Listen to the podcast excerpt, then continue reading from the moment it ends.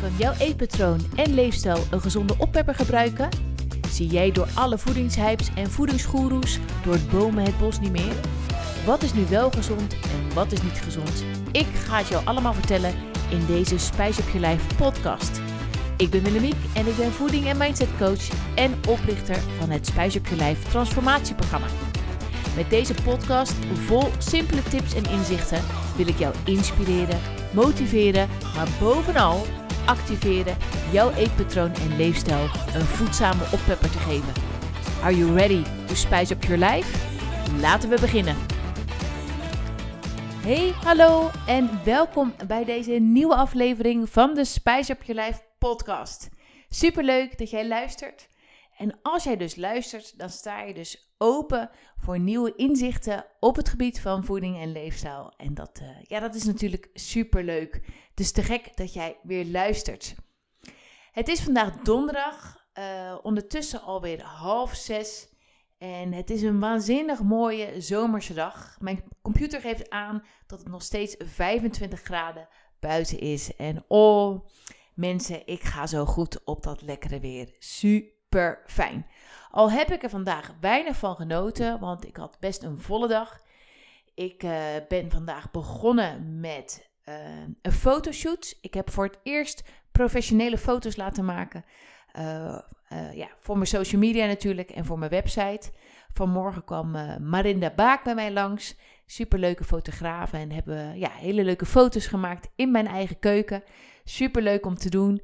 Um, ik kan niet wachten om de foto's te zien en om ook de foto's te tonen op social media en op mijn website. Dus daar kijk ik enorm naar uit. En na de fotoshoot mocht ik direct uh, op mijn fiets springen en uh, mocht ik examinator zijn bij het fietsexamen, bij het verkeersexamen hier in het dorp. En mijn oudste zoon deed eraan mee. Mijn oudste zoon Mick is ondertussen 10 jaar oud en zit in groep 7. En hij mocht examen doen. En nou, ik mocht dus goed ja, bekijken of ze zich netjes aan alle verkeersregels hebben gehouden. En ja, ik vond dat gewoon ontzettend leuk om te doen. En toen kwam ik thuis en toen dacht ik, nou, weet je wat? Ik neem nog even een podcast op. Ik voelde me geïnspireerd. Ik merk altijd dat de inspiratie een beetje opkomt als ik fiets of als ik wandel. En toen dacht ik, weet je wat? Ik pak direct eventjes door. En in deze aflevering wil ik het graag met je hebben over kennis over voeding. En dit onderwerp, dit thema heb ik al uh, ook wel in de nieuwsbrief verwerkt. Heb ik ook laatst in een LinkedIn-post verwerkt. Maar ik vind het ook even interessant om het nog verder toe te lichten in een, uh, in een podcast-aflevering. Daar leent zo'n podcast natuurlijk uh, zich ideaal voor. Dus ik dacht, dat wordt ook het onderwerp van deze nieuwste aflevering. Kennis over gezonde voeding. Ik merk namelijk om mij heen in de media, dus ook op social media, op tv en radio, maar ook gewoon in gesprekken om me heen, dat we heel veel waarde hechten aan kennis over gezonde voeding. En we ook heel erg geneigd zijn om heel veel kennis te vergaren. En we vinden goeroes die ook heel veel kennis delen over voeding vaak ook heel erg interessant.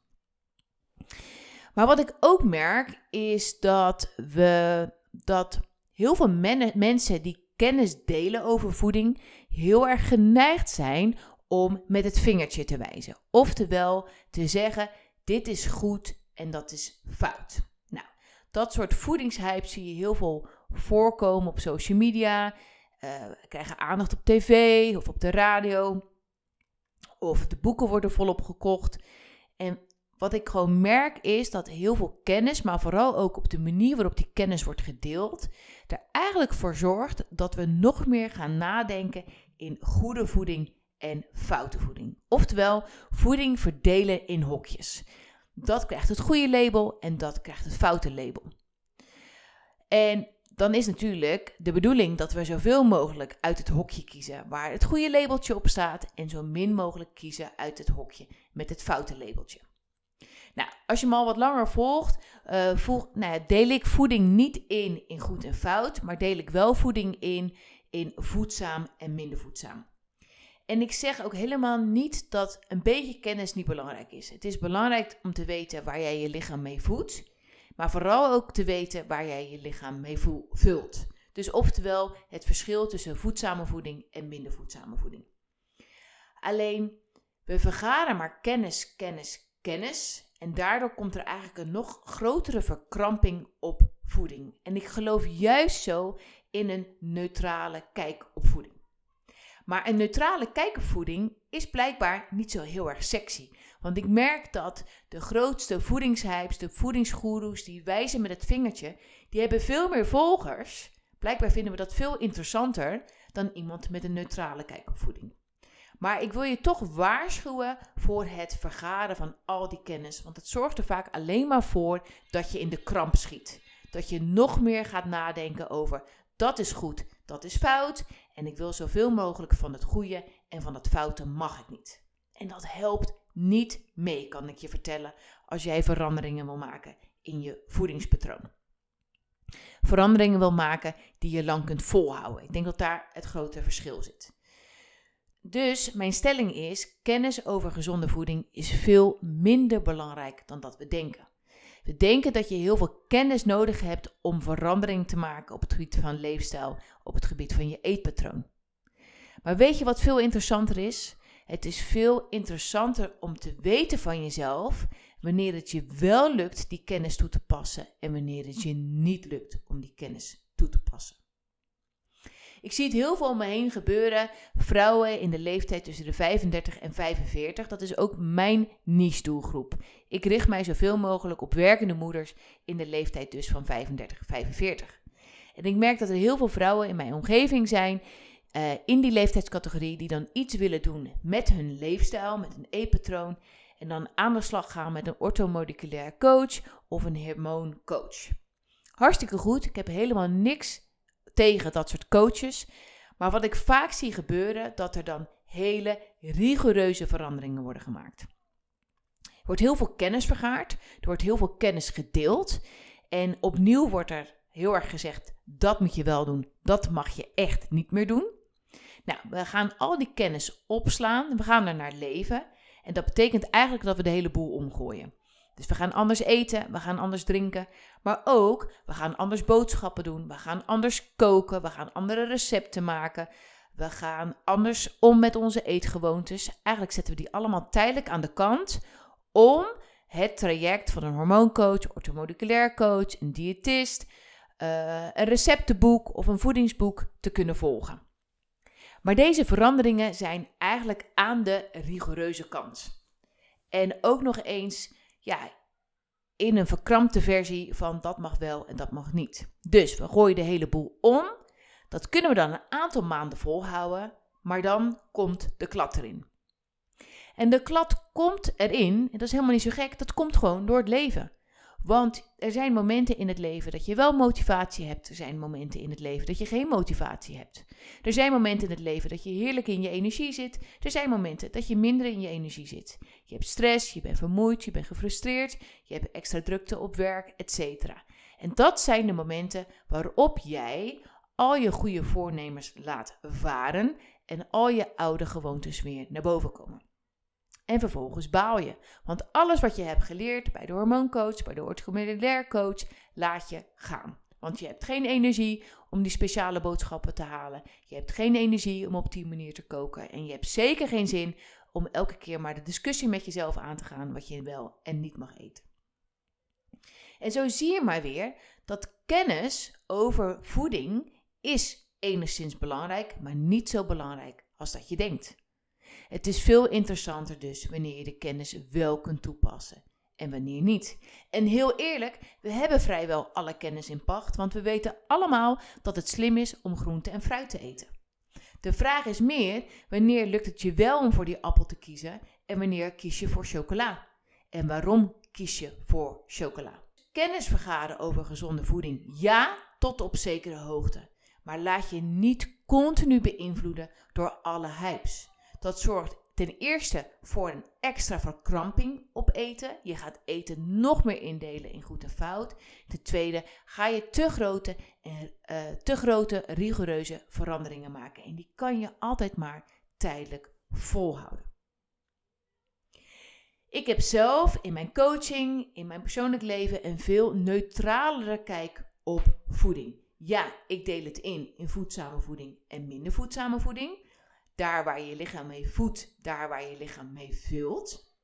Maar jouw eetpatroon, mijn eetpatroon, mag bestaan uit voedzame voeding in de basis, maar ook minder voedzame voeding. En als je van de minder voedzame voeding maar intens geniet. En dat zit hem veel meer in het maken van kleine veranderingen. Oftewel, kijken wat je nu doet. Wanneer lukt het je wel, wanneer lukt het je niet. En daarop kleine veranderingen maken. Dus het is veel interessanter om meer kennis te vergaren over jezelf. Over jouw eettriggers, over jouw eetgewoontes, over de manier waarop jij voeding gebruikt. Ontlaat jij door te eten en drinken? Eet jij vanuit frustratie? Eet jij vanuit vermoeidheid? Eet je vanuit irritatie of verveling? Dat is veel interessanter dan te weten of je links of rechts geslingerde honing moet halen. Snap je mijn punt? Het is een beetje overdreven, maar ik hoop dat jij wat meer gaat focussen op kennis te ontwikkelen op het gebied van jezelf dan op het gebied van voeding. En dan wil ik jou vragen om jezelf eens een week lang te gaan observeren. Ga eens voor, je, voor jezelf een week lang bekijken: hé, hey, wat doe ik nu eigenlijk? Wanneer lukt het me wel om te kiezen voor de voedzame optie en wanneer lukt het me niet en waarom lukt het me niet? En als je die kennis gaat vergaren van jezelf, dan is het belangrijk dat je daarna gaat kijken zonder oordeel. Dus probeer daar zo neutraal mogelijk naar te kijken.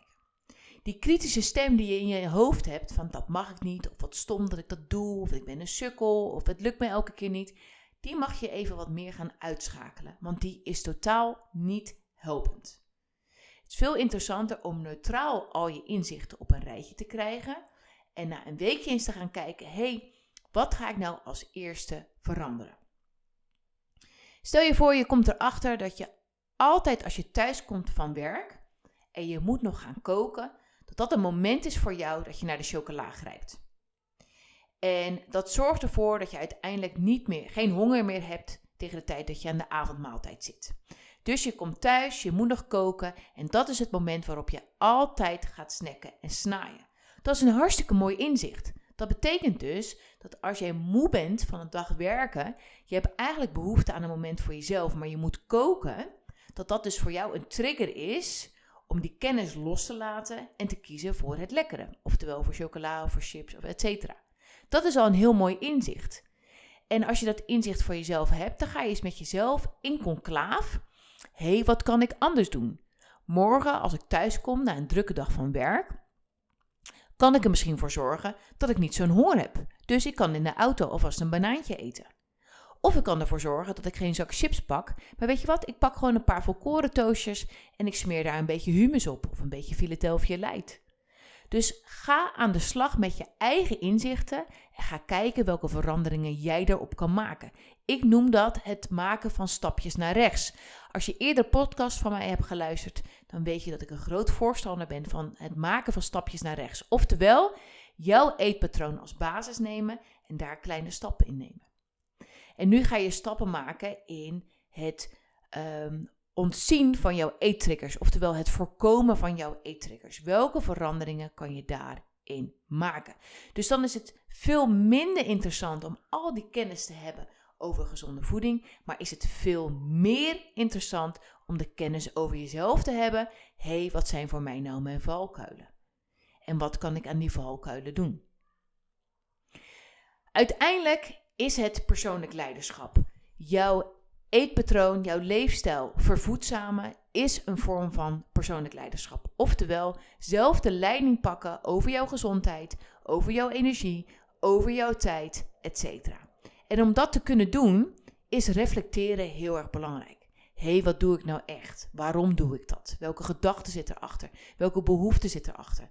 Hoe kan ik daar kleine veranderingen in maken? En elke verandering is goed elke verandering mag, jij jezelf, mag je blij mee zijn, mag je jezelf voor belonen. Dus pak veel meer grip over je tijd, over je stress, over je slaap, over je voedingskeuzes, over je leefstijlkeuzes. Pak de grip, pak de regie over jouw leven. En zo kan je echt stap voor stap jouw eetpatroon en leefstijl vervoedzamen. Dus niet nog meer kennis vergaren over voeding. Een beetje kennis is belangrijk, kan ik je zo hapklaar geven. Doe ik ook in het Spijs op je lijf programma. Maar het is veel interessanter wanneer lukt het je wel om die kennis toe te passen en wanneer niet. En waarom lukt het je dan niet? Ga eens een weekje met jezelf aan de slag door inzichten te vergaren en ga daarna kijken welke veranderingen je kunt maken.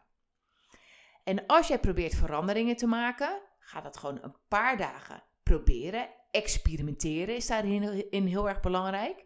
Maar ga vooral ook evalueren. Dus als je het een week lang geprobeerd hebt, wat is er wel goed gegaan en wat is er niet goed gegaan? En vooral, als iets niet goed is gegaan, waarom niet? En dan pas je je plan weer aan en je probeert het weer een week.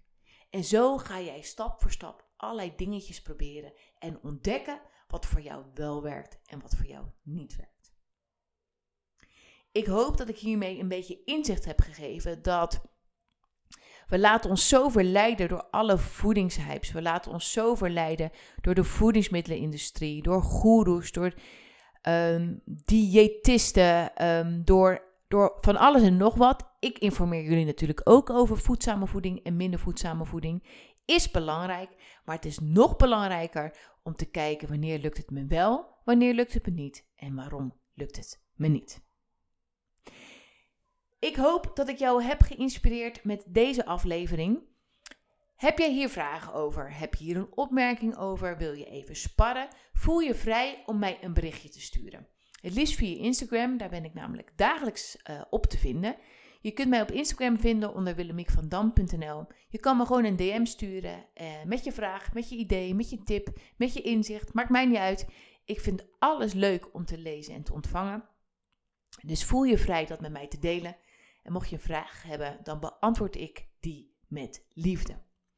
Dankjewel voor het luisteren en tot de volgende keer. Doeg!